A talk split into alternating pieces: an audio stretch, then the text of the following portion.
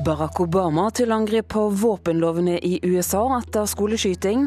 Og Trøndelag er rammet av ekstremvær. Én person har mistet livet. Her er NRK Dagsnytt ved Turi Grønbekk klokken er 6.30. Den amerikanske presidenten går hardt ut mot landets våpenlover etter skoleskytingen i Oregon. Ni personer ble drept av en 26 år gammel mann på en høyskole i går. Barack Obama er rystet og kritiserer våpenlovgivningen. Han sier det ikke bør være så enkelt å skade andre som det er i dag. It cannot be this easy for somebody who wants to inflict harm on other people to get his or her hands on a gun. And what's become routine, of course, is the response of those who oppose any kind of common sense gun legislation. Det sa presidenten da han møtte pressen i natt. og Gjerningsmannen hadde med seg flere våpen til skolen. Motivet for skytingen er foreløpig ikke kjent. 26-åringen ble til slutt drept av politiet. En mann er bekreftet omkommet i Sør-Trøndelag i natt. Politiet kobler dødsfallet til ekstremværet Roar. Mannen utførte sikringsarbeid på en privat eiendom i Agdenes da dødsfallet skjedde. Personen eh, var omkommet da politi og ambulanse kom til stedet. Vi driver fortsatt å etterforske på stedet hva det var han skulle eh, ut og sikre, og hva som egentlig har skjedd utpå der. Sier operasjonsleder Trond Voten i Sør-Trøndelag politidistrikt.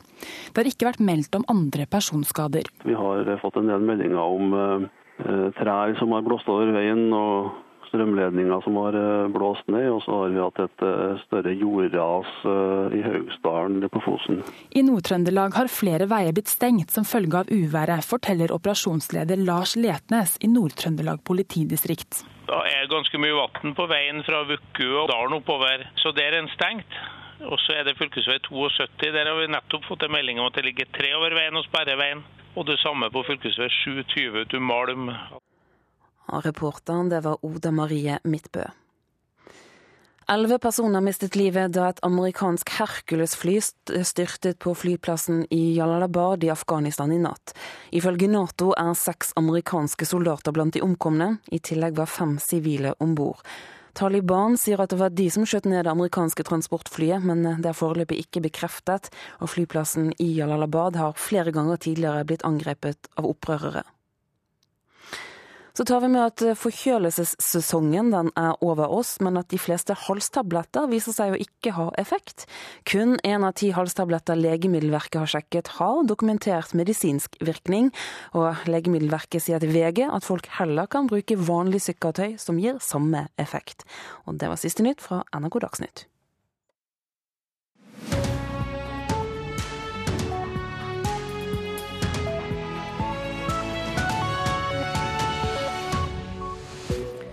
Vi fortsetter med disse sakene. Ti mennesker ble drept under skoleskytingen i byen Roseburg i Oregon i går. Den 26 år gamle gjerningsmannen ble drept av politiet.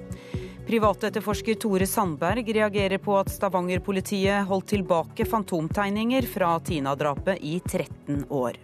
Og ekstremværet Roar herjer i Trøndelag og på Helgeland.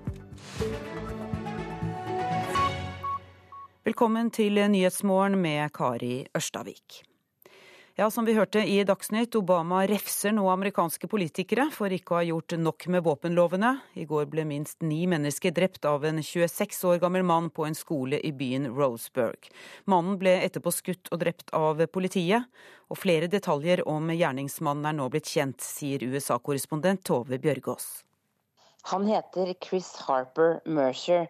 Han eh, var altså fra denne lille byen Roseburg, som er et lite, lite tettsted som ligger tre og en halv times kjøring fra storbyen Portland. Eh, de som, politiet har funnet ut en del om ham, bl.a. fra hans aktivitet på sosiale medier, og sier at han hadde et voldsomt raseri. Eh, det minner mye om profilen til mange tidligere gjerningsmenn i slike episoder. Han skal også ha spurt før han skjøt hvilken religion folk tilhørte, og skal ha, altså, og skal ha vært eh, ja, bare veldig, veldig sint. Hvordan gikk han fram i går? Han tok seg altså inn på dette eh, høyskoleområdet, som er et ganske stort område, og som politiet mener at han kjente godt fra før.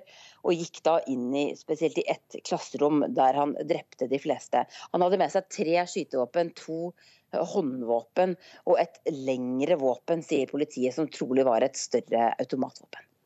Det har vært flere skytetragedier på skoler i USA. Hvorfor skjer dette gang på gang?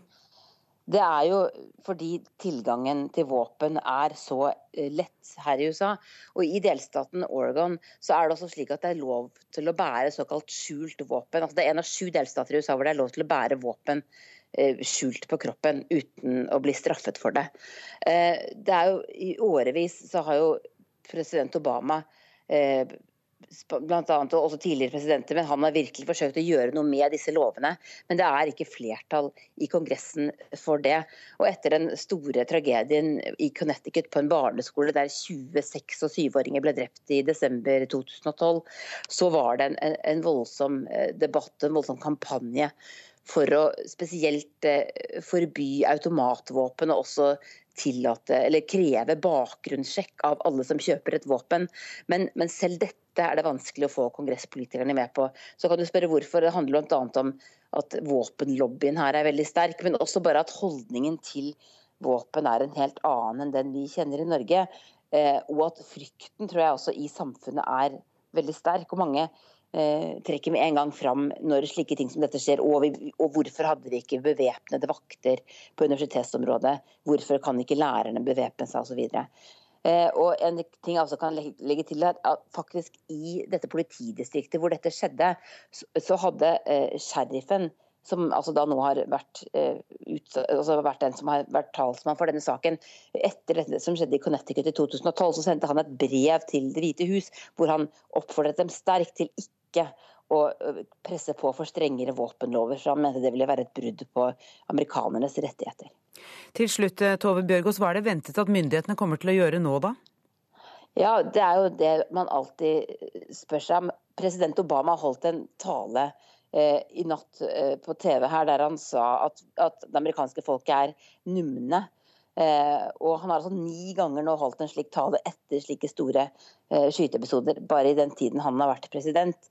Eh, han har i det siste sagt at USA er det eneste siviliserte landet i verden som ikke har våpenlover som, som, som, hindrer at slike ting skal skje. Og akkurat dette med skoleskytinger, det har blitt et, det er liksom blitt et eget begrep her, fordi det er blitt så vanlig.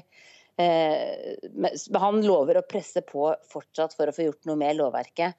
Eh, men igjen så, så spørs det om, om, det er mulig å få til det. Fordi dette er altså en, en sak som så til de grader fortsatt splitter amerikanerne. Selv om et flertall av folket de siste to-tre årene rundt 60% har sagt at de mener man skal forby eh, automatvåpen. Så til eh, ekstremværet Roar som eh, herjer i Trøndelag og på Helgeland. Mosjøen var blant stedene som skulle få merke Roars herjinger aller hardest. Og reporter Frank Nygaard i Mosjøen, hvordan er det der nå? Ja, det er litt, si, litt, stille før stormen. For det har liksom ikke tatt av denne Roar som skulle komme på besøk. Det har vært, litt, det har vært regn, mye regn i løpet av hele natta, og det har vært massevis av vind. Men ellers så har jeg tatt en liten telefon rundt omkring på Helgeland, og de fleste tekniske etater der mellom at det har vært det har ikke vært de store hendelsene i det hele tatt. Og trafikken går vel stort sett sånn som den den eh, skal gjøre nå på morgenkvisten. Både fly, tog og, og, og, båter er i eh, rute. Jeg står her med Christer Amundsen fra Vefsn kommune. Han er ansvarlig for drift av, av, veier. og Det har vel kanskje litt med også at kommunene er gode til å forberede seg når det kommer sånne uvær? Ja da, vi har brukt hele gårsdagen på å forberede oss på, ja, på det her uværet. Og, og renske opp sluk og bekkeinntak og, og sånt. Så Eh, det ser ut som det har funka bra denne gangen. Nå er det jo meldt at det skal bli mer nedbør etter hvert. Det er mye vind i kastene. Eh, det kan vel bety at det fortsatt kan bli problemer utover dagen? Det kan jo bli eh, fortsatt problem. og, og ja, Det begynner å, å samle seg opp vannet som har kommet ned gjennom ja, bekkeinntak og sånn. Så, så, og det er jo mye løv og, og og sånt som renskes med vannet og sånt, det kan uh, gå tett i ja, systemet. Sånn. Men vi tror det skal gå bra. Ja, ikke noen beskjed om folk som har fått vann i kjellere osv.? Nei, jeg har nettopp snakka med driftsvakta vår i kommunen, og, og, det ser ut som Han har ikke fått noen meldinger på noen sånn særlige store problemer. Så. Men dere har ekstra beredskap? Ja, vi har ja, ikke ekstra beredskap nå, men vi har jo en 24 timers uh, vakt som, som ja, tar imot telefoner fra publikum og sånn. Så, og det har ikke vært noe spesielt å melde om sånn sett.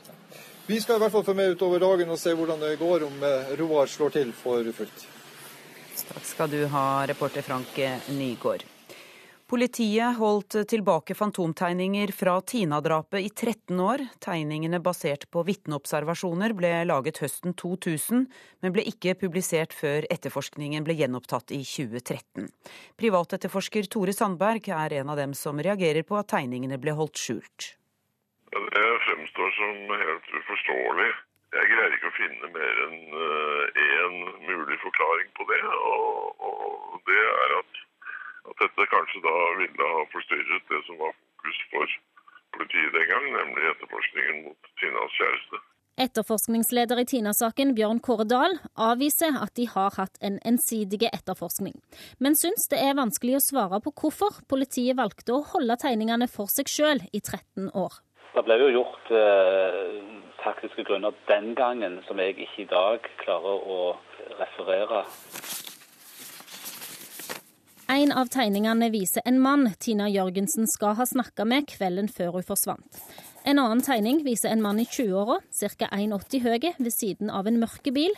Tegningene er basert på vitneobservasjoner. Vi kan ikke si at den tegningen er drapsmennene. En av mennene fra Lyngdal som nå er sikta i saken, har i avhør med politiet innrømmet at han trolig er en av personene som er tegna, ifølge Stavanger Aftenblad. Dahl kommenterer ikke dette, men sier at politiet vil evaluere hvorfor tegningene ble holdt tilbake. Ja, det forstår jeg faktisk godt. Jeg kan ikke eh, se det på noen annen måte at dette må bli en del av eh, en slik evaluering. Reportere var Martin Sondag og Cecilie Berntsen Jåsund. Så til eh, dagens aviser. I dag eh, åpner det 160. storting. Dagsavisens forside viser et bilde av statsminister Erna Solberg. Avisa spør eh, hvordan løser Erna følgende saker? Arbeidsledighet, søndagsåpent, skattereform og flyktninger. Dagbladet har et bilde av Vladimir Putin på førstesiden, og har overskriften 'Putins livsfarlige dobbeltspill', med undertittel 'Han sier IS skal knuses'. Han bomber Vestens allierte, og han støtter diktator Assad. Nordlys skriver om eh, Inger Sofie som bød 1,35 millioner kroner på en kommunal eiendom, men kommunen hadde godtatt et lavere bud før fristen var ute. Det somaliske miljøet i Bergen er bekymret for at ungdommer skal bli ekstreme, kan vi lese om i Bergens Tidende i dag. Og nå får tre organisasjoner i byen 250 000 kroner for å stoppe radikalisering.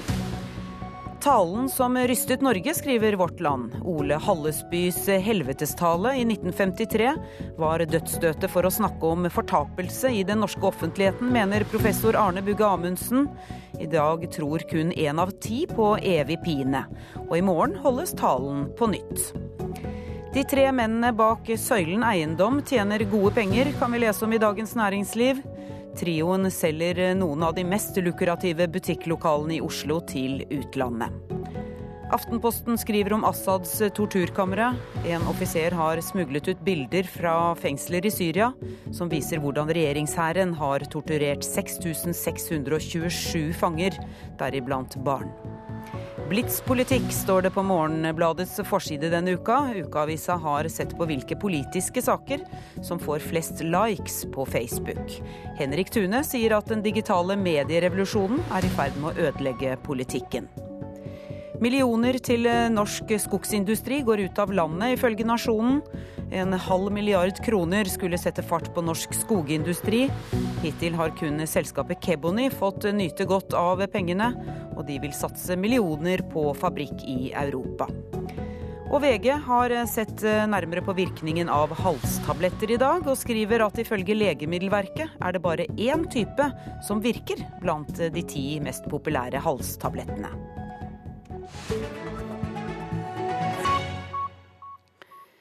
Nils Arne Eggen er skuffet over Rosenborgs innsats i europaligakampen mot Dnipro i går. Trønderne tapte 0-1 og ligger nå sist i sin gruppe. Den tidligere Rosenborg-treneren mente laget våget for lite mot ukrainerne.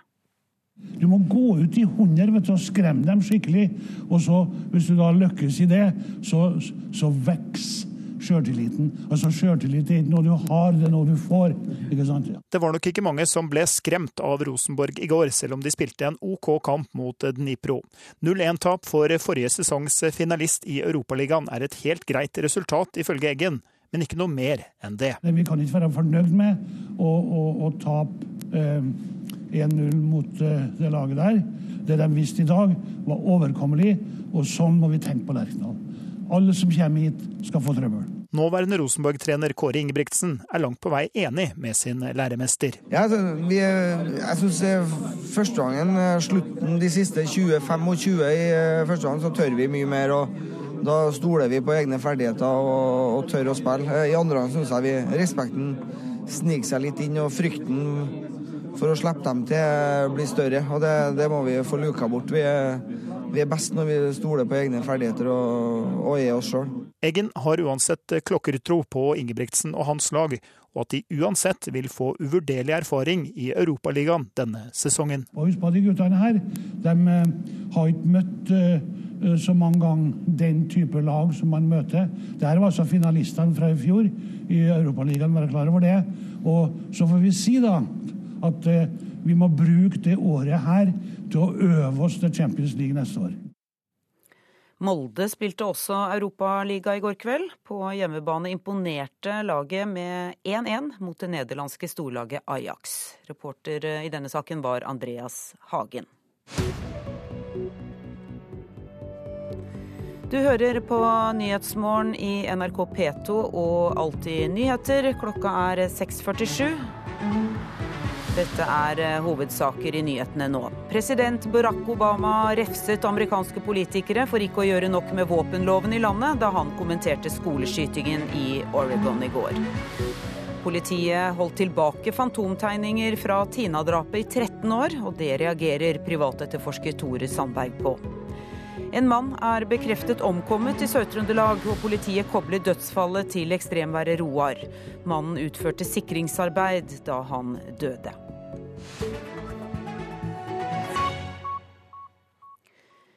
I går kveld talte Israels statsminister Benjamin Netanyahu til FNs hovedforsamling, etter at palestinernes president Mahmoud Abbas dagen før erklærte at palestinerne vil bryte alle inngåtte avtaler med Israel, så var spenningen stor før Netanyahus tale. Korrespondent Sigurd Falkenberg Mikkelsen, hvordan ser Israel på nettopp dette at palestinerne vil bryte alle avtaler nå? Netanyahu brukte mye tid på å snakke om dette under talen sin. tror jeg. Uh, for det første så er det helt uklart hva president Mahmoud Abbas egentlig mente uh, med det han det andre Nei, Vi har litt dårlig forbindelse til, til, deg, Sigurd Falkenberg Mikkelsen, så vi får komme tilbake til deg når vi har litt bedre linje. Forsvarssjef Håkon Brun Hansen ønsker å utrede om Forsvarets museer kan samles på ett sted, og i størst mulig grad være selvfinansierte. Det kommer fram i rapporten om framtidens forsvar som ble lagt fram i går. Forslaget møter skepsis hos de museumsansatte tillitsvalgte Frode Færøy. Jeg syns uh, visjonene om å, å, samle alle museene på ett sted uh, i et stort, nytt uh, museum virker, virker litt naive, rett og slett.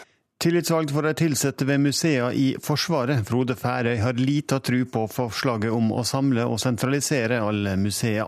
I går la forsvarssjef Håkon Brun-Hansen fram sine råd for hvordan Forsvaret skal se ut i framtida. Der ble det bl.a. foreslått å slå sammen militærkorpsene til ett. I tillegg vil han undersøke om museer også kan samles. Det jeg har anbefalt på museesiden, det er at vi gjør en vurdering om å kraftsamle museumsaktiviteten vår på ett sted, eh, i områder hvor det er tilstrekkelig publikum. At vi får til løsninger som i størst mulig grad er selvfinansierende. og ikke er spredd på så mange steder i Norge som det er i dag. For innstillingen stemte 74, for forslaget stemte 57. Dermed er innstillingen bifalt. I 1992 vedtok Stortinget å legge Luftforsvarsmuseet til Bodø. Det skjedde etter en lang og hard lokaliseringsdebatt. Dagens direktør ved museet, Erling Kjærnes, synes det blir feil om flysamlinga må trekke sørover igjen. Jeg skjønner jo hvorfor de vil det, for det er et økonomisk perspektiv i det. Det er billigere å ha ting på ett sted, det er ikke noe tvil om. Men samtidig så er jo Forsvaret er jo spredt unektelig over hele landet. Selv om det begynner å bli mindre og mindre, men det er jo spredt over hele landet, og der ligger også historien. Så jeg syns at det liksom å samle alt på ett sted, og særlig hovedstaden, det høres feil ut. Det er Forsvarets avdeling for kultur og tradisjon, FAKT, som har ansvaret for Forsvarsmuseet. Sjefen der, oberst Ole Bjørn Fauske, sier de må ta sin del av omorganiseringa i Forsvaret, og hilser ei utgreiing av museumsstrukturen velkommen. Jeg vil fokusere på å bidra med de råd som jeg kan gi i den prosessen som kommer. Jeg hilser det velkommen. Eh, vi ser at eh, andre land i Europa har valgt å og samle sin museumsvirksomhet. Vi har en ganske distribuert eh, ordning. Det som jeg håper blir eh, vi kan spesielt få bidra med i den utredninga, er å, å definere rolle og oppgave og uttrykk som museene våre skal ha. Det, det, er jo egentlig det som er det aller viktigste. Og Bl.a. derfor så hilser jeg den utredninga velkommen. Reporter var Espen Alnes. Og vi skal tilbake til korrespondent Sigurd Falkenberg Mikkelsen og Benjamin Netanyahus tale til FN. Hva var hovedbudskapet i talen? Benjamin Netanyahu brukte mesteparten av talen sin på å snakke om eh, Iran, og kritiserte i meget sterke ordelag eh, avtalen som er inngått eh, om Irans atomprogram. Dernest brukte han litt tid på å forsøke å reparere forholdet til eh, USA og president Barack Obama. Og helt på slutten så nevnte han eh, palestinerne. Han sier at han vil gjenoppta fredsforhandlingene uten eh, betingelser. Netanyahu altså. Hva, hva svarer Abbas til det? For palestinernes del så har de sagt at det er meningsløst for dem å forhandle direkte med en okkupant. Eh, de har ingen tro på at det er mulig. Det har de prøvd eh, så lenge og føler at de ikke får noe ut av det. Eh, så det palestinerne ønsker, er en, det de kaller en multilateral forhandling. Altså at mange andre partner, parter er involvert i forhandlingene. Og at de heller vil da ha en større internasjonal tilstedeværelse under disse forhandlingene. Det vil da ikke Israel, og der står det nå.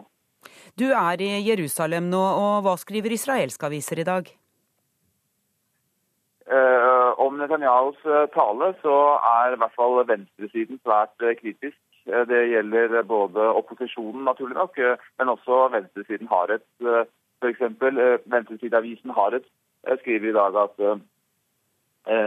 Netanyahu prioriterte helt feil. Han brukte tid på en Iran-avtale som allerede er inngått. Han burde heller snudd bunken og begynt med palestinerne og USA.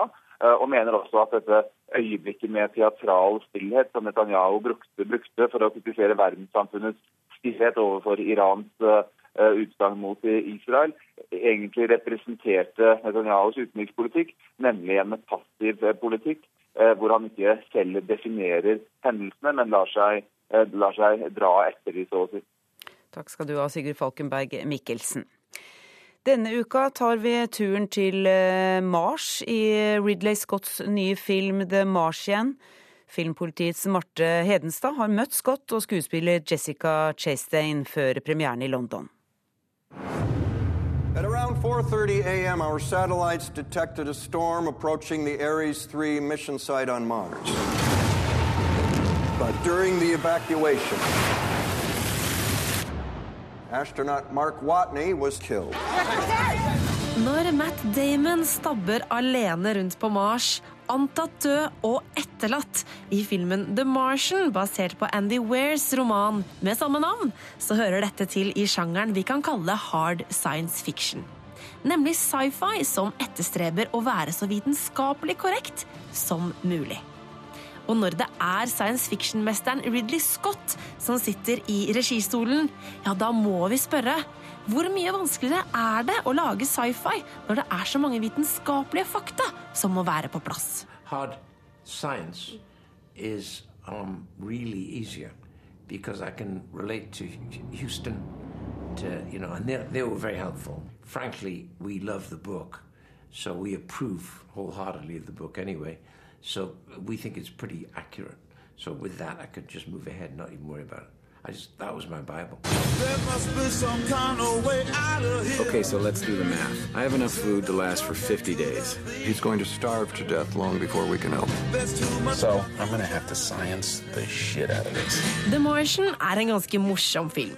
Matt Damons vittige rollefigur Mark Watney har sine mørke øyeblikk, men gir aldri opp selv om ting virker fullstendig håpløst. Astronautens kulhet, som Ridley Scott kaller det, var viktig å få frem i filmen. I love that coolness, which I think um, NASA were very approving of the attitude of uh, Mark Watney, who is very cool. You don't allow fear in, you do not allow terror in, you're not going to function. If we mess up the Earth gravity assist, we die. Jessica Chastain spiller Melissa Lewis i filmen. Kommandøren for mannskapet på romskipet Hermes. Og hun baserte sin rollefigur på astronauten Tracy Dyson. En dame som kan dette med å holde roen. Really calm.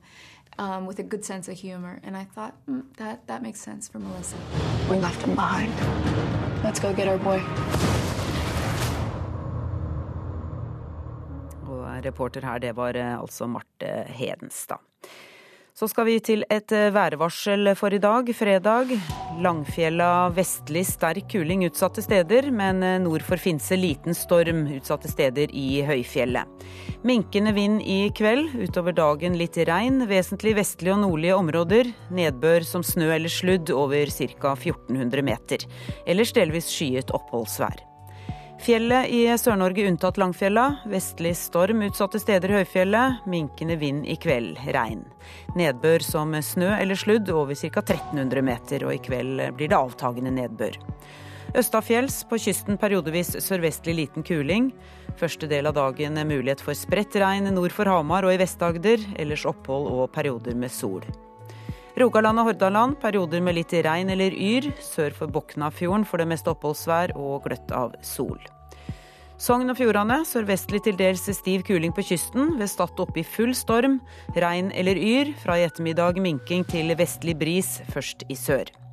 Møre og Romsdal sørvestlig til dels full storm på kysten. Regn. Fra i ettermiddag vestlig sterk kuling utsatte steder. I kveld liten kuling og regnbyger. Trøndelag sørvestlig full storm utsatte steder, dreiende vestlig i formiddag. Regn. Mye nedbør nord for Trondheim. Fra i kveld gradvis minking til vest og nordvestlig til dels stiv kuling. Helgeland og Saltfjellet økning til vestlig liten storm utsatte steder. I ettermiddag minkende til nordvestlig liten kuling.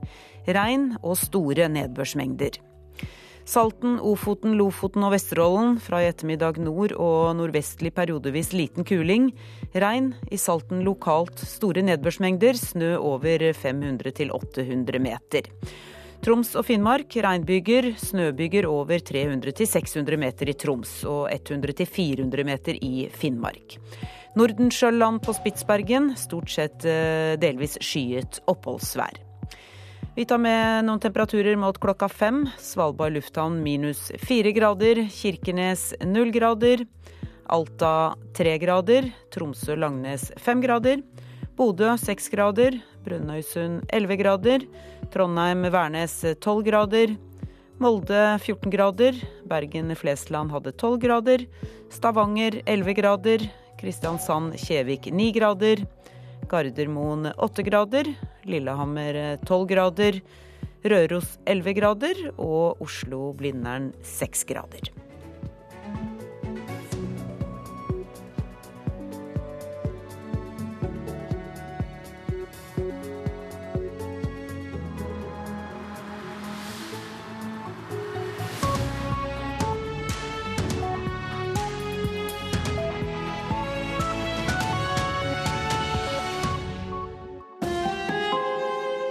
Hør ekko.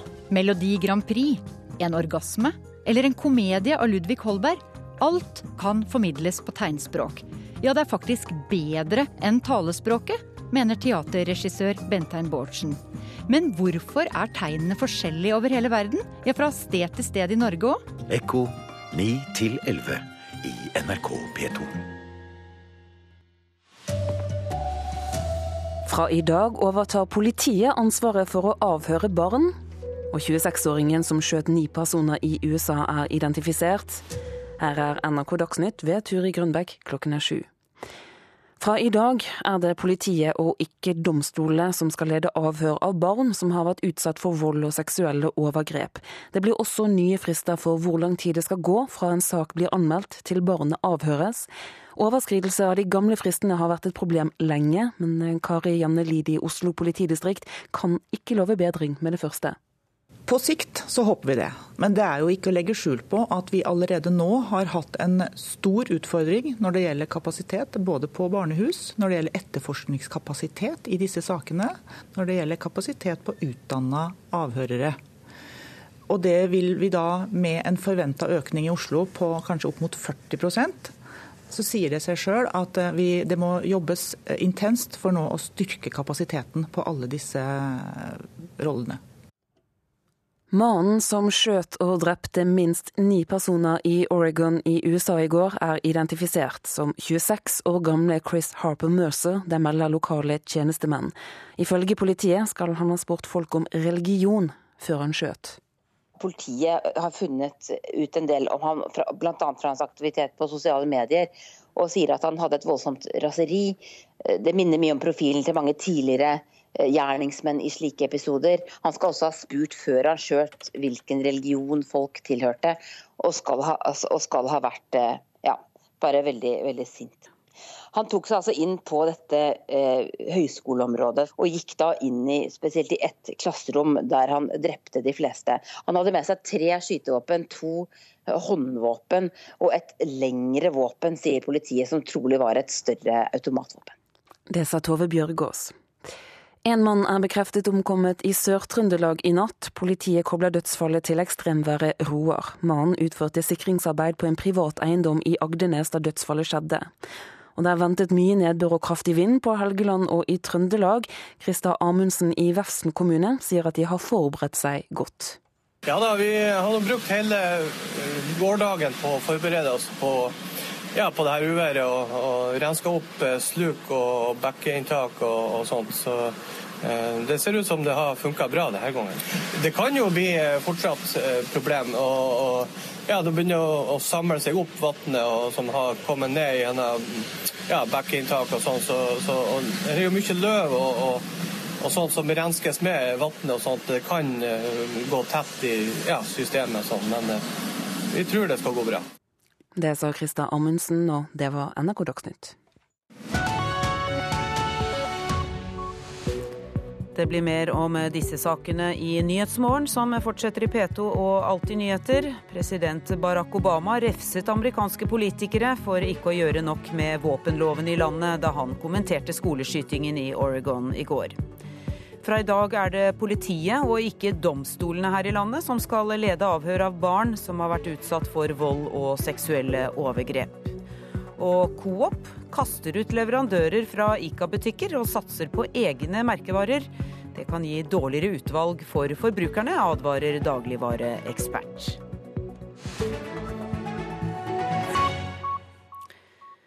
Ja, Barack Obama refser altså amerikanske politikere for ikke å gjøre nok med våpenlovene i landet. Det sa han da han kommenterte skoleskytingen i Oregon i går.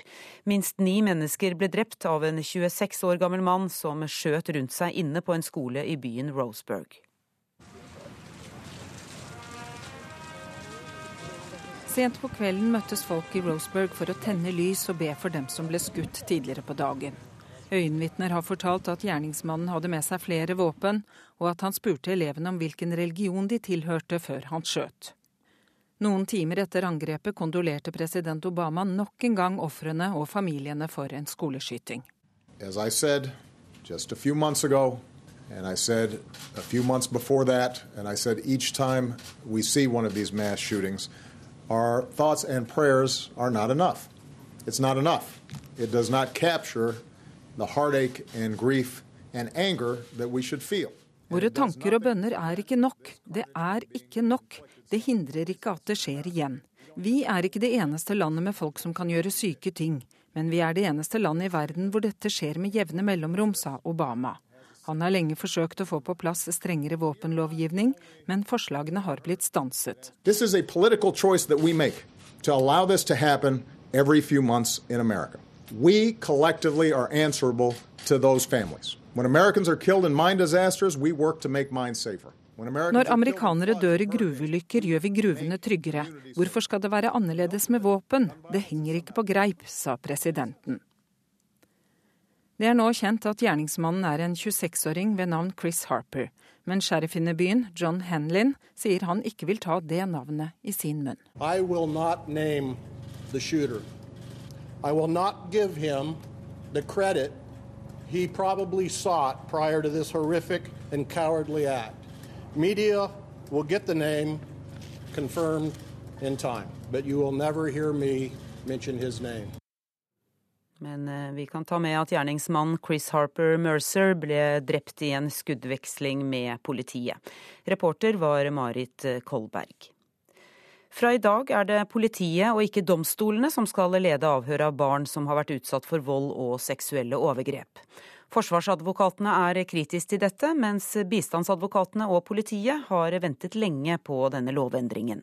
Leder ved Statens barnehus i Oslo, Astrid Johanne Pettersen, mener endringen vil føre til at barn i større grad blir tatt på alvor. Vi gleder oss til den nye ordningen, det må jeg bare si. Jeg tenker at dette er, eh, vil være et løft for eh, politiets mulighet til å jobbe godt med disse sakene. På barnehuset i Oslo er det en travel dag. Barna som kommer hit må først igjennom medisinske undersøkelser før de får komme inn til et avhørsrom.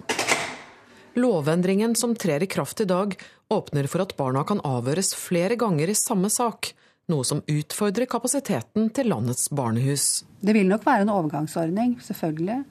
Men eh, jeg tenker at barn også får en mye større mulighet til å forklare seg. En, en stor endring er at nå skal domstolen ut. Det er politi og påtalemyndighet som nå er tillagt ansvaret. Det sier Karianne Lid, leder ved avsnitt for seksualforbrytelser i Oslo politidistrikt. De nye reglene sier også at den mistenkte ikke lenger skal varsles før barnet tas inn til det første avhøret. Problematisk, mener leder i Advokatforeningen Erik Keiserud. Et viktig prinsipp hos oss er at siktere skal kunne ta til motmæle mot de anklager som kommer mot en.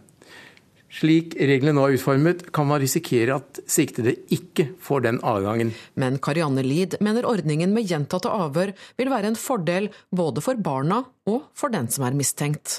Samtidig så vil det også gi en mye bedre eh, anledning for en mistenkt via sin forsvarer til å få fullt innsyn i hva barna har forklart, og så stille spesifikke og konkrete spørsmål som blir stilt til barnet ved det supplerende avhøret. For politiadvokatene er det et stort ansvar og en stor og krevende arbeidsoppgave som eh, legges på oss. Det sier politiadvokat i Oslo politidistrikt Anne Katrine Kristiansen.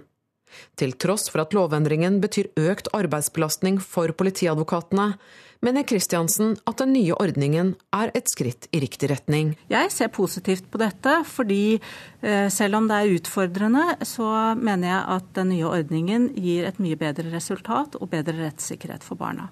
De nye avhørsreglene setter også nye frister for hvor lang tid det skal gå fra en sak blir anmeldt til barnet avhøres. Overskridelse av de gamle fristene har lenge vært et problem, men Karianne Lid i Oslo politidistrikt kan ikke love bedring med det første. Med en forventa økning i Oslo på kanskje opp mot 40% så sier det seg sjøl at eh, vi, det må jobbes eh, intenst for nå å styrke kapasiteten på alle disse eh, rollene. Reporter var Kristine Næss Larsen. Ivar Stokkereit, du er juridisk rådgiver i Unicef Norge. Velkommen til Nyhetsmorgen. Takk. Dere har eh, sendt et brev til justisministeren der dere uttrykker bekymring for hvordan denne lovendringen vil bli i praksis. Hva er dere bekymret for? Ja, vi har ved flere anledninger eh, tatt kontakt med Justisdepartementet for å påpeke behovet for å styrke barns rett til beskyttelse. Eh, og I den siste korrespondansen vi hadde, så er det jo særlig to forhold vi trekker fram. Eh, det ene er behovet for eh, at politiet i mye sterkere grad prioriterer arbeidet eh, med å etterforske vold- og overgrepssituasjoner mot barn. Eh, det vi ser, har vært en helt uakseptabel lang ventetid før barn har blitt avhørt i disse sakene. Dersom vi skal gjøre noe med dette, og dersom de nye reglene hvor man nå får en kortere frist, skal bli gjeldende, eh, og at man skal få, en, få de ønskede, oppnå de ønskede resultatene med det, så må politiet ha et helt annet fokus på dette arbeidet. Eh, både når det gjelder å ha nok etterforskere, og at, de, at det er god nok kvalitet i det etterforskningsarbeidet som politiet gjør. Og Samtidig så må vi sørge for å styrke barnehusene. Eh, det kommer til å bli tatt enda flere avhør etter at de nye lovendringene nå trer i kraft. Og det kommer opp på en økning på 40% i avhør så langt i år. Eh, så Da er det helt nødvendig at vi styrker kapasiteten i barnehusene, sånn at de får muligheten til å gjøre den jobben de skal gjøre, som er både å forberede avhør, men ikke minst å følge opp disse barna i etterkant. Forsvarsadvokatene er kritiske til at det er politiet som skal eh, avhøre barna. Har politiet egentlig den rette kompetansen til å avhøre barn om eh, overgrep og vold? Absolutt. Jeg tror absolutt at norsk politi har den kompetansen som trengs. Den dommeravhørsutdanningen som, som det nå tidligere har hett, som de politietterforskerne som gjennomfører disse avhørene har gått gjennom, Eh, er nok den, en av de beste utdanningene i verden eh, når det gjelder å foreta gode avhør av barn eh, som er i en sårbar posisjon. Så det er ingen tvil om at det er nok kompetanse i politiet. Utfordringen så langt har vært å sikre at det er nok avhørere som gjør at disse avhørene kan bli gjennomført på et så tidlig tidspunkt som overhodet mulig. Men så tror vi også samtidig at det er nødvendig å se på om det er behov for å styrke det sentrale arbeidet, f.eks. i Kripos, hvor vi ser at det er et lite, svært kompetent, men lite og sårbart miljø. Kan du si litt mer om hva, hva som må til for å få et best mulig system? Det er jo særlig de to forholdene vi har påpekt. Eh, det at man styrker eh, innsatsen fra politiets side, at dette arbeidet prioriteres mye høyere enn det som er, som tilfellet i dag. Og at man styrker barnehusene, at det blir mye bedre kapasitet i barnehusene. Derfor har vi også store forventninger til eh, statsbudsjettet når det legges fram i neste uke. Eh, for de nye reglene vil styrke barns rettssikkerhet, det er det ingen tvil om. Eh, hvis dersom de blir brukt på riktig måte. Nå får vi en skjerping av tidsfristen for når disse avhørene skal gjennomføres. Eh, det blir obligatorisk å bruke, av, bruke barnehusene i alle avhørssituasjoner av barn. Og så blir det en tydeliggjøring av barnevernets rolle, som gjør at de kan komme mye tidligere i gang med tiltak overfor disse barna. Så dette vil innebære en tydelig styrking av barns rettssikkerhet. Takk for at du kom til oss, Ivar Stokkereit, juridisk rådgiver i Unicef Norge. Coop vil øke andelen av kjedens egne merkevarer når de tar over alle Ica og Rimi-butikkene. Det bekrefter kjeden selv. Det kan skvise ut andre leverandører og føre til dårligere utvalg for forbrukerne. Det sier dagligvareekspert Erik Fagerli i PA Consulting. Man kan ha som utgangspunkt at eh, mangfold er bra for forbruker. Da. Det vil gå ut over randsortimentet og spesialitetene og det lille ekstra for oss som forbruker. Så I så henseende er risikoen til stede for at, eh, at, det kommer til å påvirke mangfoldet for forbrukeren negativt. Ja, men det er usolgt. Ok, men da skal jeg ikke ha noe. Alle dagligvarekjedene satser på egne merkevarer, og andelen øker hvert eneste år. Det kan være den Rema spagetti, det kan være First Price Eldorado-type. Matmesteren til Ica. I løpet av fjoråret nådde kjedenes egne merkevarer en markedsandel på 13,9 Inkluderes såkalte eksklusive avtaler med leverandører, er tallet 27 sier Fagerlid. Coop eh, er veldig offensive, eh, får mye bra til. Ettersom andelen egne merkevarer er høyere i Coop enn hva den var i Ica, betyr det at den totalt sett blir høyere når alle butikkene går inn under Coop-fanen i løpet av de neste fem-seks månedene skriver kommunikasjonsdirektør i Coop Bjørn Takle Friis i en e-post til NRK. Blant annet skyldes dette at vi gjennom Coop Industrier produserer kaffe, brød, Røra-produkter og økologiske varer. For kjedene gir egne merkevarer også et ekstra forhandlingskort overfor leverandørene, sier dagligvareekspert Fagerli. Og Hvis Rema har suksess med å selge sin egen Rema-spagetti til forbrukeren, så blir det tyngre for Sopp eh, å få eh, eh, attraktive hylleplasseringer på sin spagetti hos Rema. Blir det dyrere? Ja. Du må betale mer for å få hylleplass for dine etablerte merkevarer. Det begynner jo å bli, den nåløyet blir trangere, å få den beste plasseringen eh, inn i butikken. Hvor langt er noen leverandører villige til å gå for å få den der, akkurat den kremplasseringen? Og Den er man villig til å betale ganske mye for, for det, spiller jo ingen rolle å være i butikken hvis ikke forbrukeren uh, finner det. Så, så, hylleplassering er jo på mange måter alfa og omega i en eh, butikk. fordi at eh, norske forbrukere tilbringer veldig kort tid i butikken. Vi går i butikken over fire ganger per uke, men vi vil ut igjen så fort som bare mulig. Eh, og Hvis ikke du finner de varene du skal ha ganske lett på din reise på to minutter gjennom en dagligvarebutikk, så går det ikke å lete så lenge, viser jo alle tester. Reporter var Line Tomter. Jostein Medhus, du er mat- og drikkefaglig rådgiver ved Kulinarisk akademi, og dessuten manager til det norske kokkelandslaget. Velkommen til Nyhetsmorgen. Tusen takk. Hvilke konsekvenser mener du butikkjedenes store satsing på egne merkevarer vil få? Det, det, er et veldig sammensatt bilde, men det er klart i den grad det blir fokusert på eh, pris og ikke på kvalitet, så er det klart at dette vil være med å gi forbrukerne et Eh, dårligere utvalg. Har vi god nok eh, kvalitetsmat i vanlige butikker i Norge i dag? Eh, det er et litt sammensatt bilde i forhold til hva som betegnes som vanlige butikker. Men i noen butikker er det veldig bra utvalg, og i en del andre, kanskje mindre butikker, så er utvalget ganske begrensa. Men hva kan vi forbrukere gjøre for å, for å endre trenden? Få mer utvalg i butikkene? Ja, altså det, det, er flere ting vi kan gjøre. Men jeg syns at eh, en del av den debatten som har vært rundt disse tingene, har eh, mangla et lite element, og det er det om forbrukerens mulighet til å påvirke utvalget gjennom å ta bevisste valg. Eh, det er sånn at hvis vi hvis vi velger kvalitet eh, framfor kanskje pris i litt større grad enn vi ofte gjør i Norge, så har vi mulighet til å være med å påvirke butikkjedene og enkeltstående butikker gjennom de valgene vi gjør. Ja, er, nord er nordmenn mer opptatt av pris enn eh, la vi si, svensker og dansker når vi handler? Det har jeg et ganske tydelig inntrykk av at uh, i veldig stor grad så er vi det, ja. Kjøper du matvarekjedenes egenproduserte produkter selv? De billige produktene de holder jeg mye langt unna. Men det er jo Er alle billigprodukter dårlige? Nei, det sier jeg ikke. Eh, men eh, når et produkt produseres utelukkende for å være billig, som det i veldig, veldig stor grad eh, gjør i forhold til disse produktene det snakkes om her, så vil du i veldig stor grad gå på bekostning av noe. Eh, og da er det i ni av ti tilfeller så går det på bekostning av kvalitet. Det er jeg ganske sikker på. Men hvordan kan vi nordmenn bli flinkere i matveien, da? ja. Og bli mer bevisst kvalitet? Ja, jeg syns jo at vi skal eh, prøve i mye større grad å kanskje tenke oss litt om. Eh, være litt bevisst i forhold til valg. Eh, ja, kvalitet vil i noen tilfeller koste litt mer, eh, men i, vår, eh, i vårt samfunn, med den økonomien vi har i Norge, så er det ingen av oss som eh, går konk ved å bruke bitte litt mer penger på kvalitetsmat. Og kanskje gjøre noe med volumet og kanskje andre ting som vi, er veldig flinke til å bruke penger på en god del andre ting som kanskje kunne vært prioritert bort.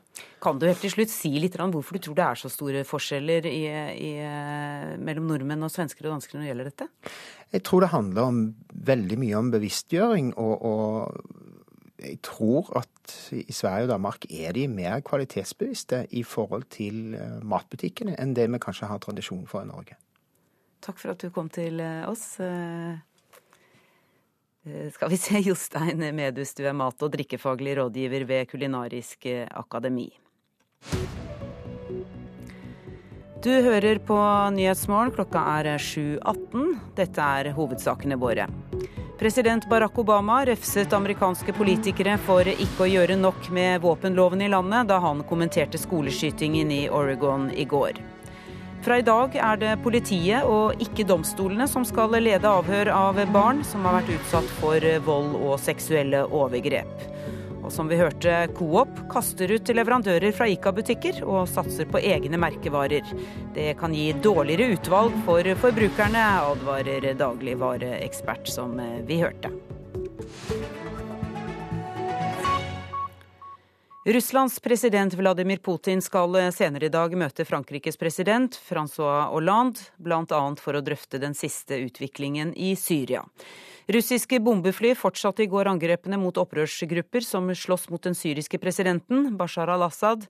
Og Moskva-korrespondent Morten Jentoft, hva vet du mer om den russiske militære aktiviteten i Syria? Ja, Det som ble sagt her i Moskva i går kveld, bl.a. fra pressetalsmannen til president Vladimir Putin, Dmitrij Piskov, det er det at russerne nå hjelper den syriske armeen til president Bashar eh, al-Assad på såkalte som han sier da, svake punkter, altså der eh, armeen er truet. Det er jo nok en bekreftelse på at eh, russerne Eh, angriper ikke bare mål eh, som tilhører den islamske staten IS sine styrker i Syria, men også andre opprørsgrupper som slåss da mot eh, Bashar al-Assad. Dette ble også bekreftet av den russiske utenriksministeren Sergej Lavrov, som sa det at her må man slåss på en brei front mot det han kaller terrorister. Og Det er jo her problemet ligger, fordi at en del av disse opprørsgruppene som slåss mot eh, Bashar al-Assad, de har jo også støtte fra Vesten, bl.a. fra Tyrkia og fra USA. Det russiske forsvarsdepartementet har eh, kommet med flere opplysninger om hvor store styrkene er som nå er på plass i Syria? Ja, det er kommet mer opplysninger om, om, om, det. Det dreier seg da om rundt 50 eh, fly og helikoptre da, som er eh, basert da på denne flybasen i eh, Latakia vest i, i, i, i, Syria. Disse flyene Man har opprettet en luftkorridor via Iran og Irak. Det er jo veldig interessant å se at man fra russisk side nå har opprettet et slags allianse da med både Iran og også den shia dominerte regjeringen i Irak i forbindelse med denne operasjonen. her. Og Man har også da uh, tydeligvis også koordinert den, det som nå skjer i Syria, med den Shia-støttede eh, Hizbollah-militsen i, i, i, Libanon, som også da eh, engasjerer seg nå igjen da mer aktivt i konflikten i Syria. Sånn at dette er tydeligvis en, en ganske brei offensiv nå da, for å forsøke å, å, å, å hindre et militært nederlag for um, Bashar al-Assad og det sittende regimet i Syria. Hvordan reagerer eh, den russiske opinionen på, på det russiske militære engasjementet i Syria? Ja, Det var mange aviser i går som var veldig skeptiske til den operasjonen bl.a. den innflytelsesrike moskovskije Kamsamolet, som eh, på, på stor overskrift spurte hva i all verden gjør vi i Syria. Opinionen, eh, Undersøkelser viser også at to av tre russere faktisk er veldig skeptisk til et militært engasjement i Syria. Det er nok grunnen også til at eh, president Vladimir Putin har gått forsiktig fram her, sagt at det kun dreier seg om eh, innsats fra luften, men vi vet jo at det allerede er begrense den russiske bakkestyrker, spesialsoldater, på plass da, eh, i Syria. Det sies for først og fremst å forsvare da, denne flybasen. Men dette er en operasjon som nok mange russere er skeptiske til. Eh, mange her husker også de bitre erfaringene fra krigen i Afghanistan på 1980-tallet, da tusenvis av russiske soldater mistet livet. Så skal vi til eh, dagens eh, aviser. I dag eh, åpner det 160. storting. Dagsavisens forside viser et bilde av statsminister Erna Solberg. Avisa spør hvordan løser Erna følgende saker. Arbeidsledighet, søndagsåpent, skattereform og flyktninger. Dagbladet har et bilde av Vladimir Putin på førstesiden og har overskriften 'Putins livsfarlige dobbeltspill' med undertittel 'Han sier IS skal knuses', 'Han bomber Vestens allierte', og 'Han støtter diktator Assad'. Drapet på Tina Jørgensen fronter Stavanger Aftenblad, som skriver at Tina, denne Tina-siktede tror han er mannen på tegningen. Nordlys skriver om Inger Sofie som bød 1,35 millioner kroner på en kommunal eiendom, men kommunen hadde godtatt et lavere bud før fristen var ute.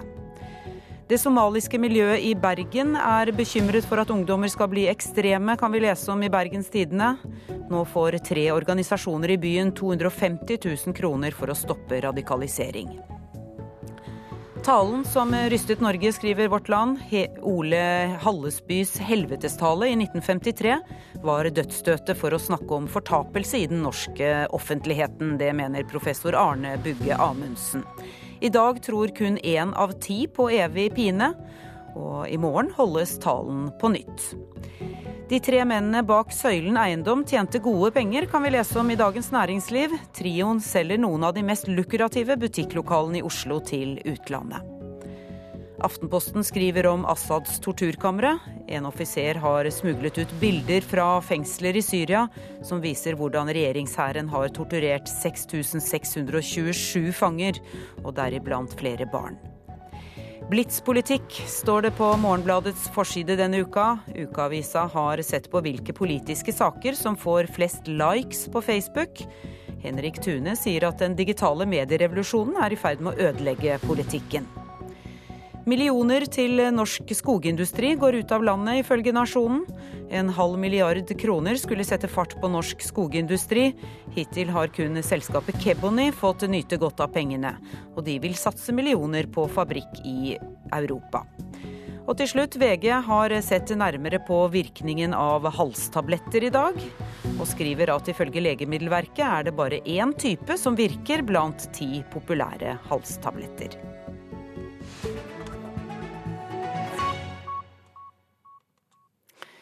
Regjeringen er for passiv i kampen mot arbeidsledigheten, samtidig som forskjellene i samfunnet øker. Det mener Arbeiderpartileder Jonas Gahr Støre.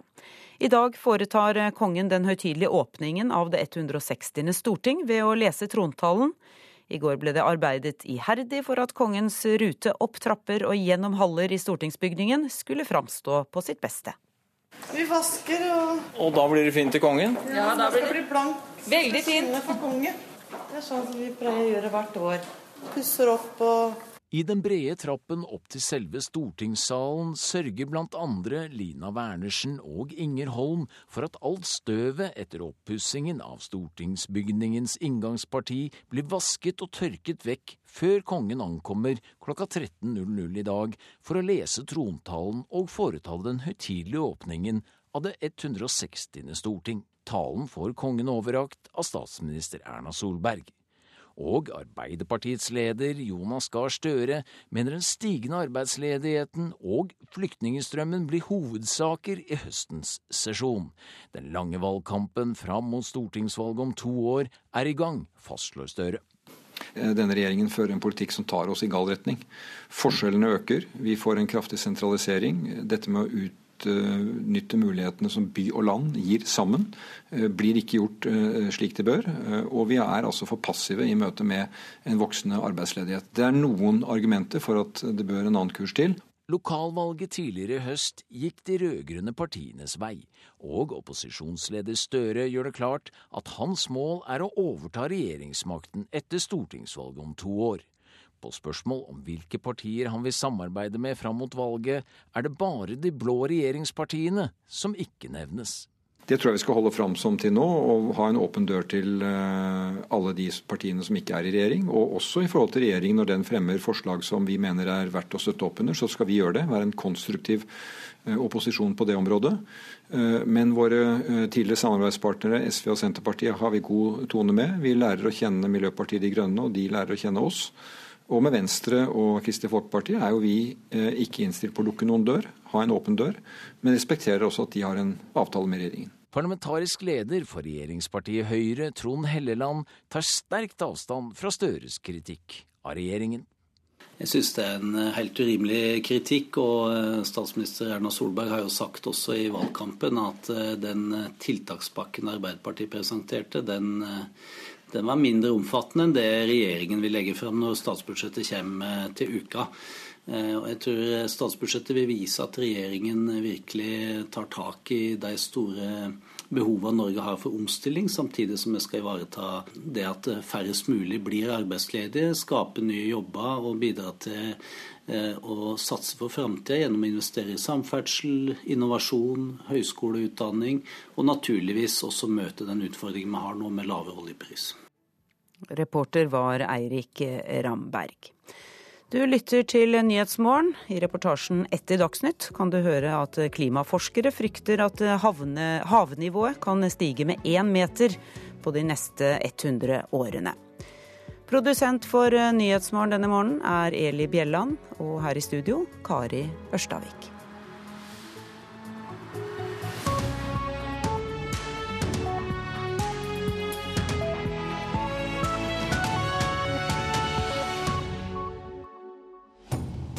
Når rødlyset tennes i Kulturhusets studio, sitter vi klare med de beste gjestene. De som hjelper deg å forstå hva som skjer rundt oss med kulturblikk. Hvilken film forklarer hvordan det er å være flyktning? Hører Munch og Melgaard sammen? Er Jo Nesbø så bra som folk skal ha det til? Vi går i dybden med de aktuelle sakene. Hva mer kan du ønske deg, egentlig? Kulturhuset hverdager klokka 13 på NRK P2.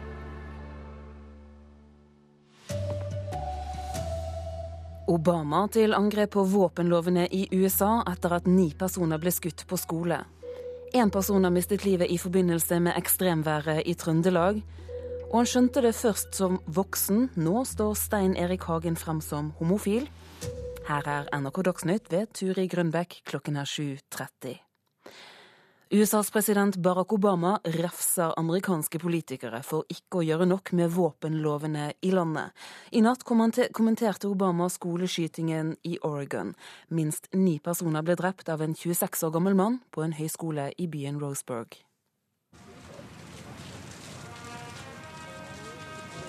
Sent på kvelden møttes folk i Roseburg for å tenne lys og be for dem som ble skutt tidligere på dagen. Øyenvitner har fortalt at gjerningsmannen hadde med seg flere våpen, og at han spurte elevene om hvilken religion de tilhørte før han skjøt. Noen timer etter angrepet kondolerte president Obama nok en gang ofrene og familiene for en skoleskyting. As I said just a few months ago, and I said a few months before that, and I said each time we see one of these mass shootings, our thoughts and prayers are not enough. It's not enough. It does not capture the heartache and grief and anger that we should feel. Våre tanker og bønner er ikke nok. Det er ikke nok. Det hindrer ikke at det skjer igjen. Vi er ikke det eneste landet med folk som kan gjøre syke ting. Men vi er det eneste landet i verden hvor dette skjer med jevne mellomrom, sa Obama. Han har lenge forsøkt å få på plass strengere våpenlovgivning, men forslagene har blitt stanset. This is a political choice that we make to allow this to happen every few months in America. We collectively are answerable to those families. When Americans are killed in mine disasters, we work to make mine safer. Når amerikanere dør i gruveulykker, gjør vi gruvene tryggere. Hvorfor skal det være annerledes med våpen? Det henger ikke på greip, sa presidenten. Det er nå kjent at gjerningsmannen er en 26-åring ved navn Chris Harper Mercer, men sheriffen i byen, John Hanlin, sier han ikke vil ta det navnet i sin munn. Media will get the name confirmed in time, but you will never hear me mention his name. Reporter Marit Kolberg. En mann døde i forbindelse med sikringsarbeid på en privat eiendom i Agdenes i Sør-Trøndelag i natt. Mye tyder på at han skulle sikre eiendommen mot skader i forbindelse med uværet Roar, som herjer i Midt- og Nord-Norge. Personen eh, var omkommet da politi og ambulanse kom til stedet. Vi driver fortsatt å etterforske på stedet hva det var han skulle ut og sikre, og hva som egentlig har skjedd utpå der. Sier operasjonsleder Trond Voten i Sør-Trøndelag politidistrikt. Det har ikke vært meldt om andre personskader, men ekstremværet Roar har ført til at flere veier er stengt i Trøndelag. Vi har fått en del meldinger om eh, trær som har blåst over veien, og strømledninger som har eh, blåst ned. Og så har vi hatt et eh, større jordras i Haugsdalen på Fosen. Det var varslet opp mot 150 millimeter nedbør i løpet av døgnet. Men vakthavende meteorolog Marit Berger ved værvarslingen i Bergen forteller at ekstremværet ikke har slått inn like hardt som de trodde. Men Det er mer nedbør i vente, det er det. Så fram til og med i formiddag så vil det nok kunne komme en god del nedbør. Reporter Oda Marie Midtbø.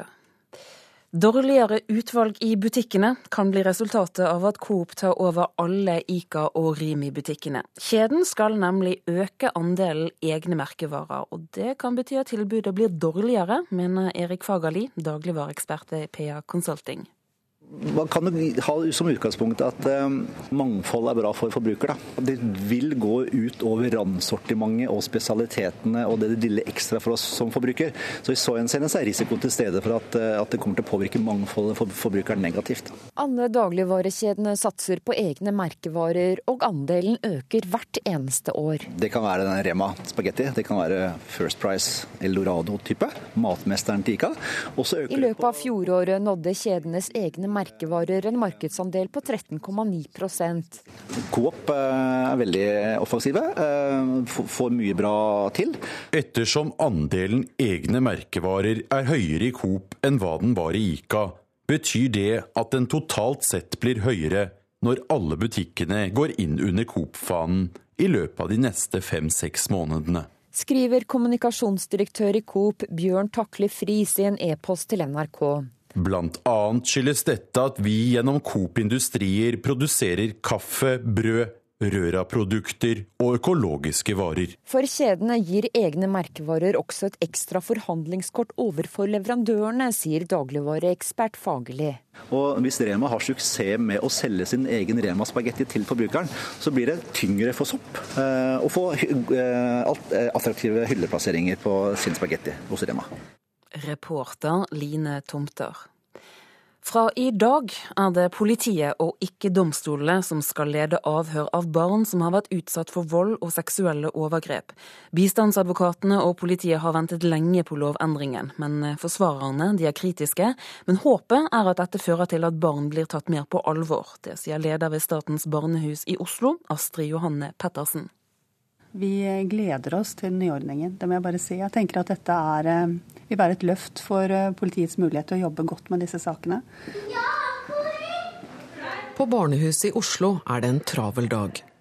Barna som kommer hit må først igjennom medisinske undersøkelser før de får komme inn til et avhørsrom. Lovendringen som trer i kraft i dag, åpner for at barna kan avhøres flere ganger i samme sak noe som utfordrer kapasiteten til landets barnehus. Det vil nok være en overgangsordning, selvfølgelig. Men eh, jeg tenker at barn også får en mye større mulighet til å forklare seg. Den, en stor endring er at nå skal domstolen ut. Det er politi og påtalemyndighet som nå er tillagt ansvaret. Det sier Karianne Lid, leder ved avsnitt for seksualforbrytelser i Oslo politidistrikt. De nye reglene sier også at den mistenkte ikke lenger skal varsles før barnet tas inn til det første avhøret. Problematisk, mener leder i Advokatforeningen Erik Keiserud. Et viktig prinsipp hos oss er at siktere skal kunne ta til motmæle mot de anklager som kommer mot en. Slik reglene nå er utformet, kan man risikere at siktede ikke får den adgangen. Men Karianne Lid mener ordningen med gjentatte avhør vil være en fordel både for barna og for den som er mistenkt. Samtidig så vil det også gi en mye bedre eh, anledning for en mistenkt via sin forsvarer til å få fullt innsyn i hva barna har forklart, og så stille spesifikke og konkrete spørsmål som blir stilt til barnet ved det supplerende avhøret. Reporter Kristine Næss Larsen. Industri som leverer utstyr til Forsvaret, får en lys fremtid dersom forsvarsbudsjettet økes, slik forsvarssjefen ønsker. Mye av pengene vil gå til nye investeringer, vedlikehold, reservedeler. Og det er Torbjørn Svensgaard, som er administrerende direktør i Forsvars- og sikkerhetsindustriens forening, glad for. De såkalte store norske bedriftene har en stor underskog av høyteknologiske små og mellomstore bedrifter i Norge som er underleverandører og partnere. Og de er jo med både på leveranser til det norske forsvaret, men også når norsk forsvarsindustri eksporterer ut av eh, Norge. Dette vil være positivt både for de store og for de små og mellomstore bedriftene. Det sa Torbjørn Svensgaard. Forretningsmannen Stein Erik Hagen står nå frem som homofil. 59-åringen som har engasjert seg i kampen for de lesbiske og homofiles plass i kirken, sier at han ikke forsto at han var homofil før i voksen alder. Han er en av Norges mest profilerte forretningsmenn. Nå velger 59 år gamle Stein Erik Hagen å fortelle om sin legning på Skavlan. Han sier homofili ikke var noe han visste så mye om da han var ung. Når eh, skjønte du selv at du Når forsto du selv at du var homofil? Jeg vet ikke. Det, det, var, det var, i hvert fall ganske, ganske, ganske voksen alder. For det var som sagt, det var da jeg, da jeg var i 20-årene, så vi visste ikke hva det var. Det var, det var ikke tema. Det var noe man, man hadde kanskje hørt om det, men det var noe man ikke assosierte seg med. Ja, Det var vel ulovlig, til og med? Ja, det var det også. Jeg tror faktisk jeg så på at det loven i Norge ble opphevet da jeg var 16 år. Så inntil det så var det forbudt å være homofile. Folk praktiserer det. Hagen har også engasjert seg sterkt i kampen for de lesbiske og homofiles plass i kirken. Det kom spesielt til syne under kirkevalget i år. Vi må være realistiske og tilpasse oss den tiden vi lever i. Og jeg tror vi nå er kommet så langt at nå må Kirkens flertall akseptere at vi må behandle homofile og lesbiske som ønsker å gifte seg i kirken. De må ha samme mulighet som alle andre. Det sa Stein Erik Hagen. Reporter her var Vilde Kalsås Våren. Ansvarlig for denne sendingen fra Dagsnytt er Elin Pettersen. Teknisk ansvarlig Guri Hertzberg Finnsveen. Her i studio Turi Grønbekk.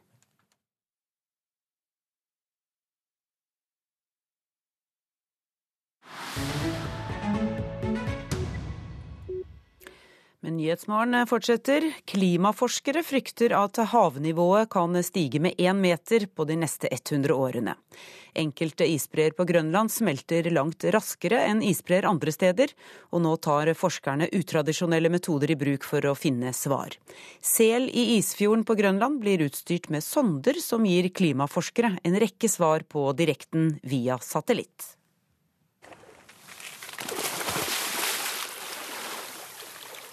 Med et kraftig mageplask er en stor sel tilbake i sitt rette element. Det selen ikke vet, er at den skal bidra i kampen for å redde jordkloden. På ryggen er det plassert en sonde som gir direkte signal via satellitt til en værstasjon i New York. Selen som kan dykke ned til 500 meters dyp, bidrar med dette til ny kunnskap som er viktig for klimaforskerne. Det er idylliske omgivelser i Isfjorden der forskere i en liten båt bruker garn for å fange en ny klimaforkjemper. Utstyrt med en slags limpistol fester de instrumentet på selen.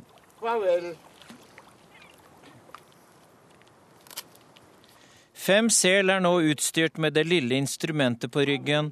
Forskerne trenger mer spesifikk data på hvorfor isen her i Isfjorden smelter raskere enn andre steder i verden. Mye av svaret er at det her er et ganske brutalt møte mellom vann og is, sier forskeren Akalu Rosing Asvid i Grønlands institutt for naturressurser.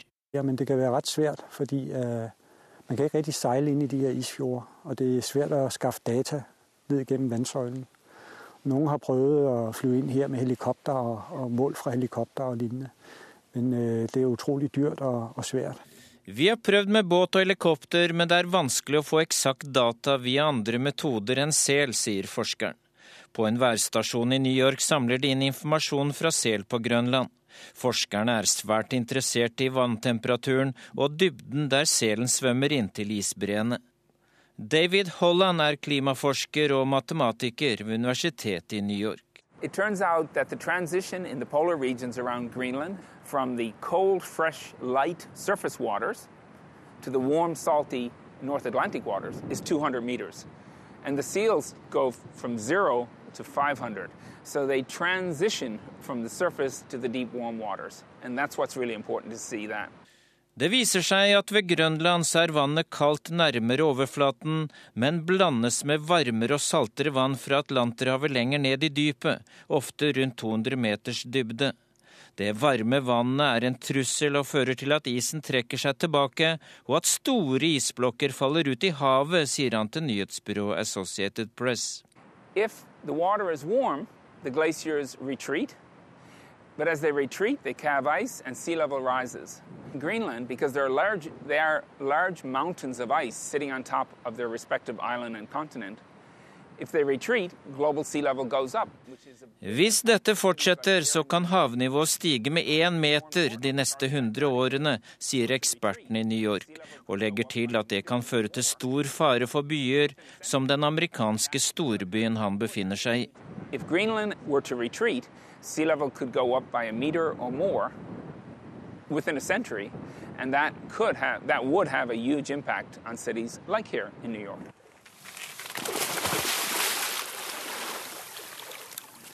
Snart skal flere uvitende skapninger enn sel jobbe for å redde klimaet på jordkloden.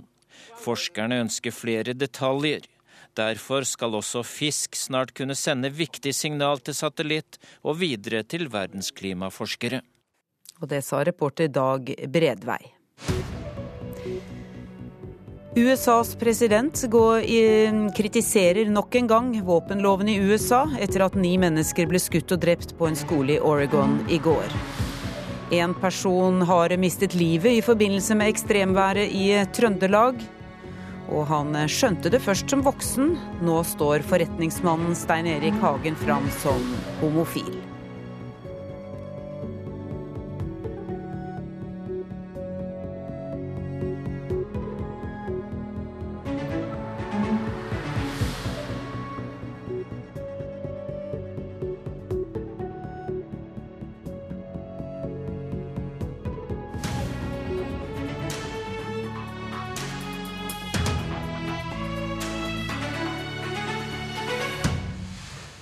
I dag åpner Stortinget etter et lokalvalg som var historisk dårlig for Kristelig Folkeparti.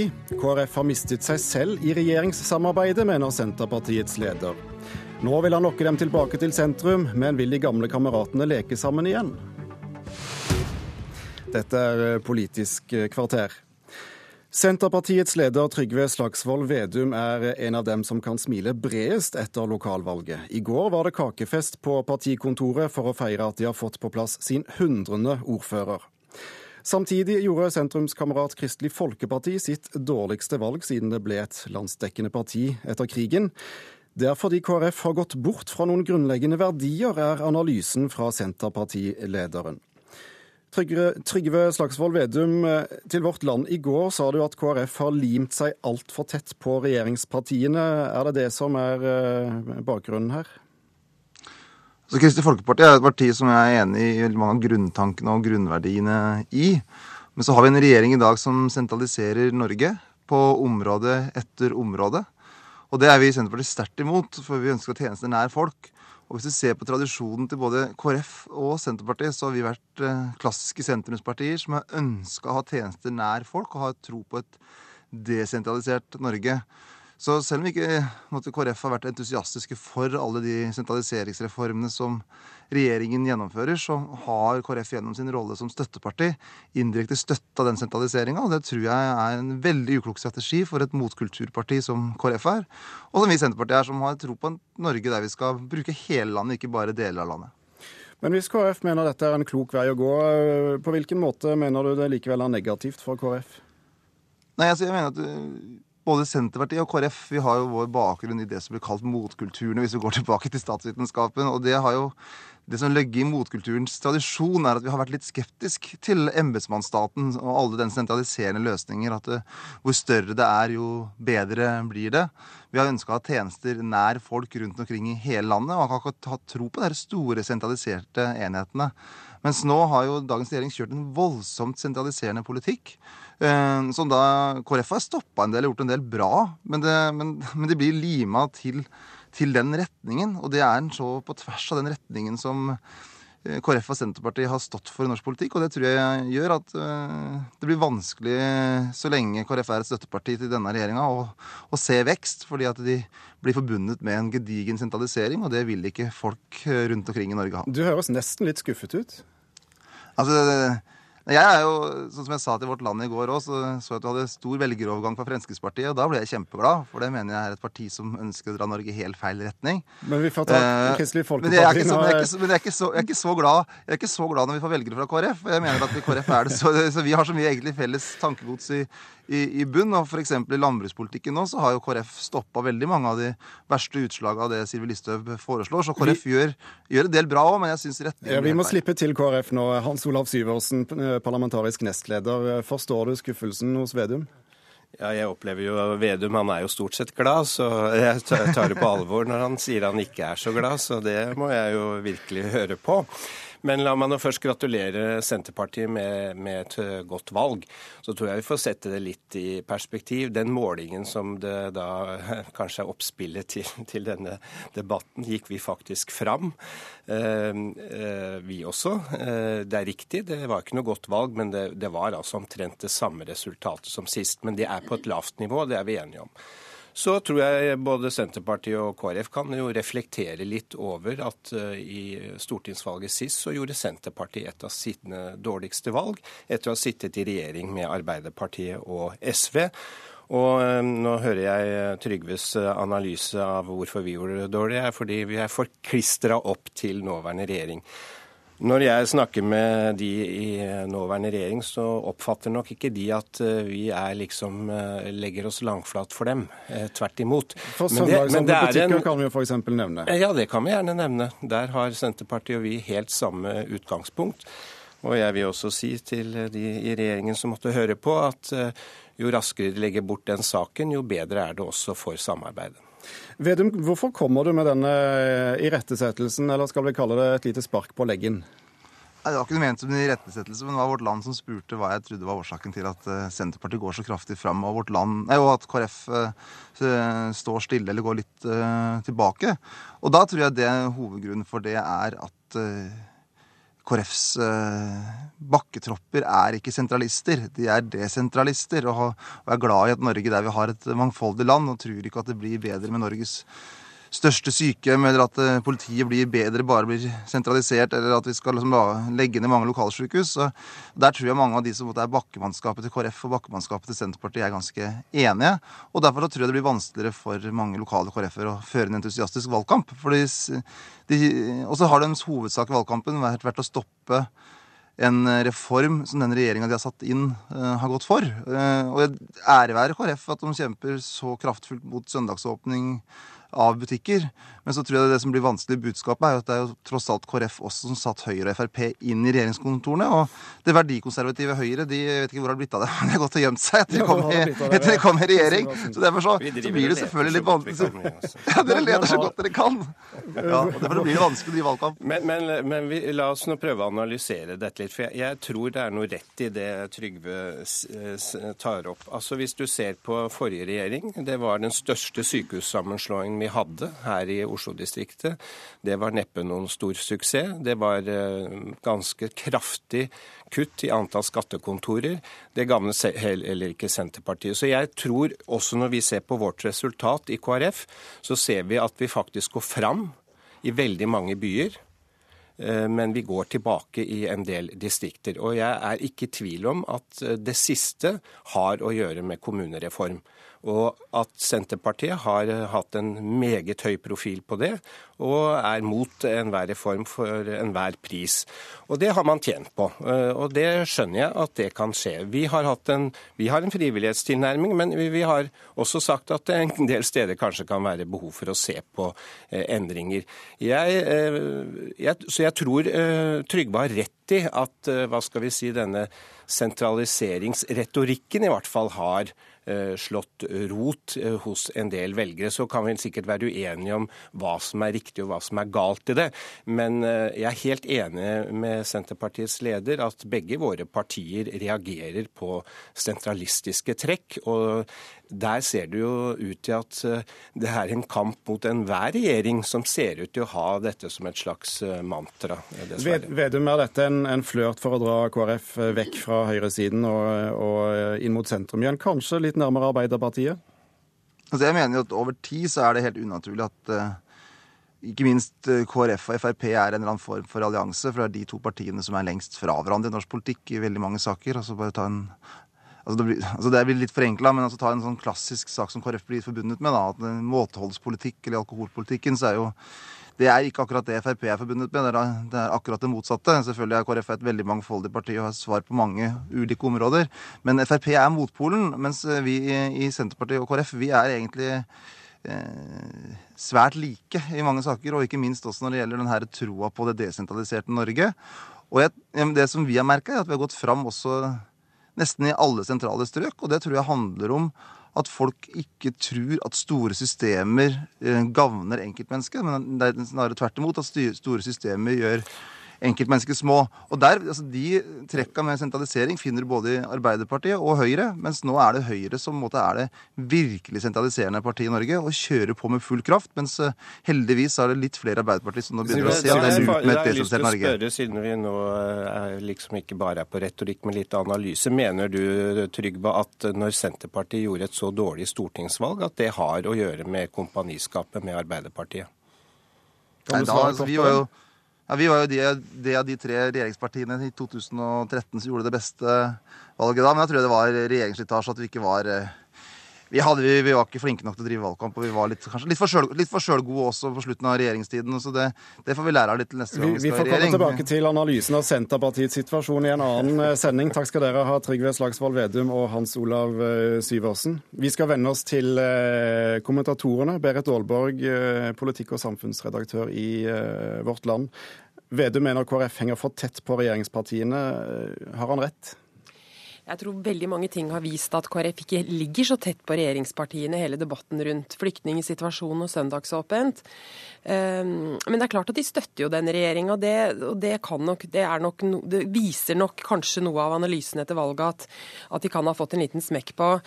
Ehm, men jeg har også lyst til å si litt om dette her med sentralisering. fordi jeg tror, jeg tror også at noe av analysen er riktig. Men så er det, når man ser på motkultur i Norge, så handler ikke de bare om sentralisering og desentralisering. En av de viktigste motkulturene for KrF er religion, eh, religiøse motkulturer. sånn at Trygve, sin, eh, Trygve Slagsvold Vedum sin analyse blir litt for enkel. Nei, den blir litt for enkel på, på, det med motkulturer, men han har noe rett i det, tror jeg.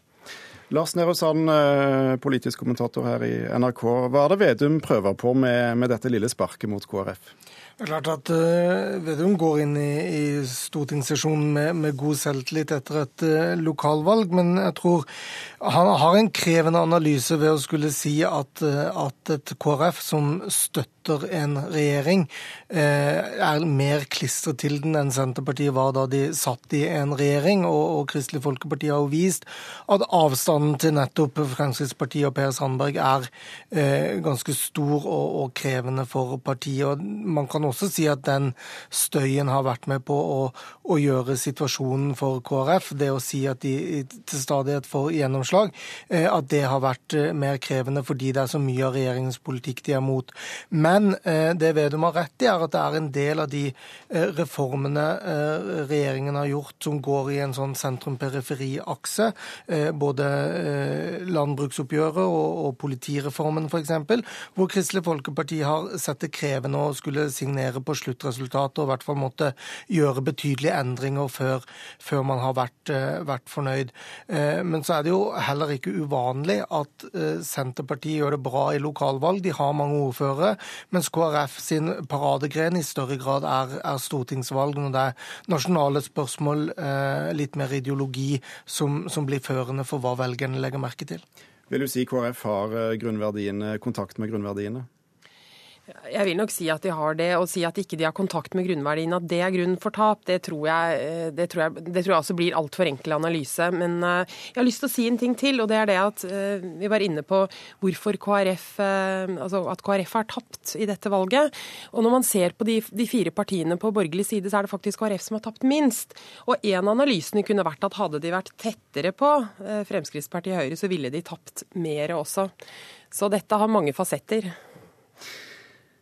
I dag åpner eh, Stortinget sin høstsesjon med sedvanlig pomp eh, og prakt. Et par ord til slutt om hva høsten vil bringe. Hvilke saker vil skape mest engasjement? Det tror jeg helt klart er skattespørsmålet som vil prege både neste ukes statsbudsjett, når det kommer samtidig med et reformforslag fra, fra regjeringen, eh, men også det at det ligger så mye undertoner frem mot 2017-valget i skattepolitikken, i forskjellen mellom rødt og blått, og at man eh, ikke minst er kanskje vel så spente på hvor Arbeiderpartiet legger seg i svaret på regjeringens politikk, som regjeringens utgangspunkt, hvor jo en del er, er kjent allerede. Legger vi lokalvalget bak oss nå, eller vil det sette preg på, på Stortingets arbeid i høst?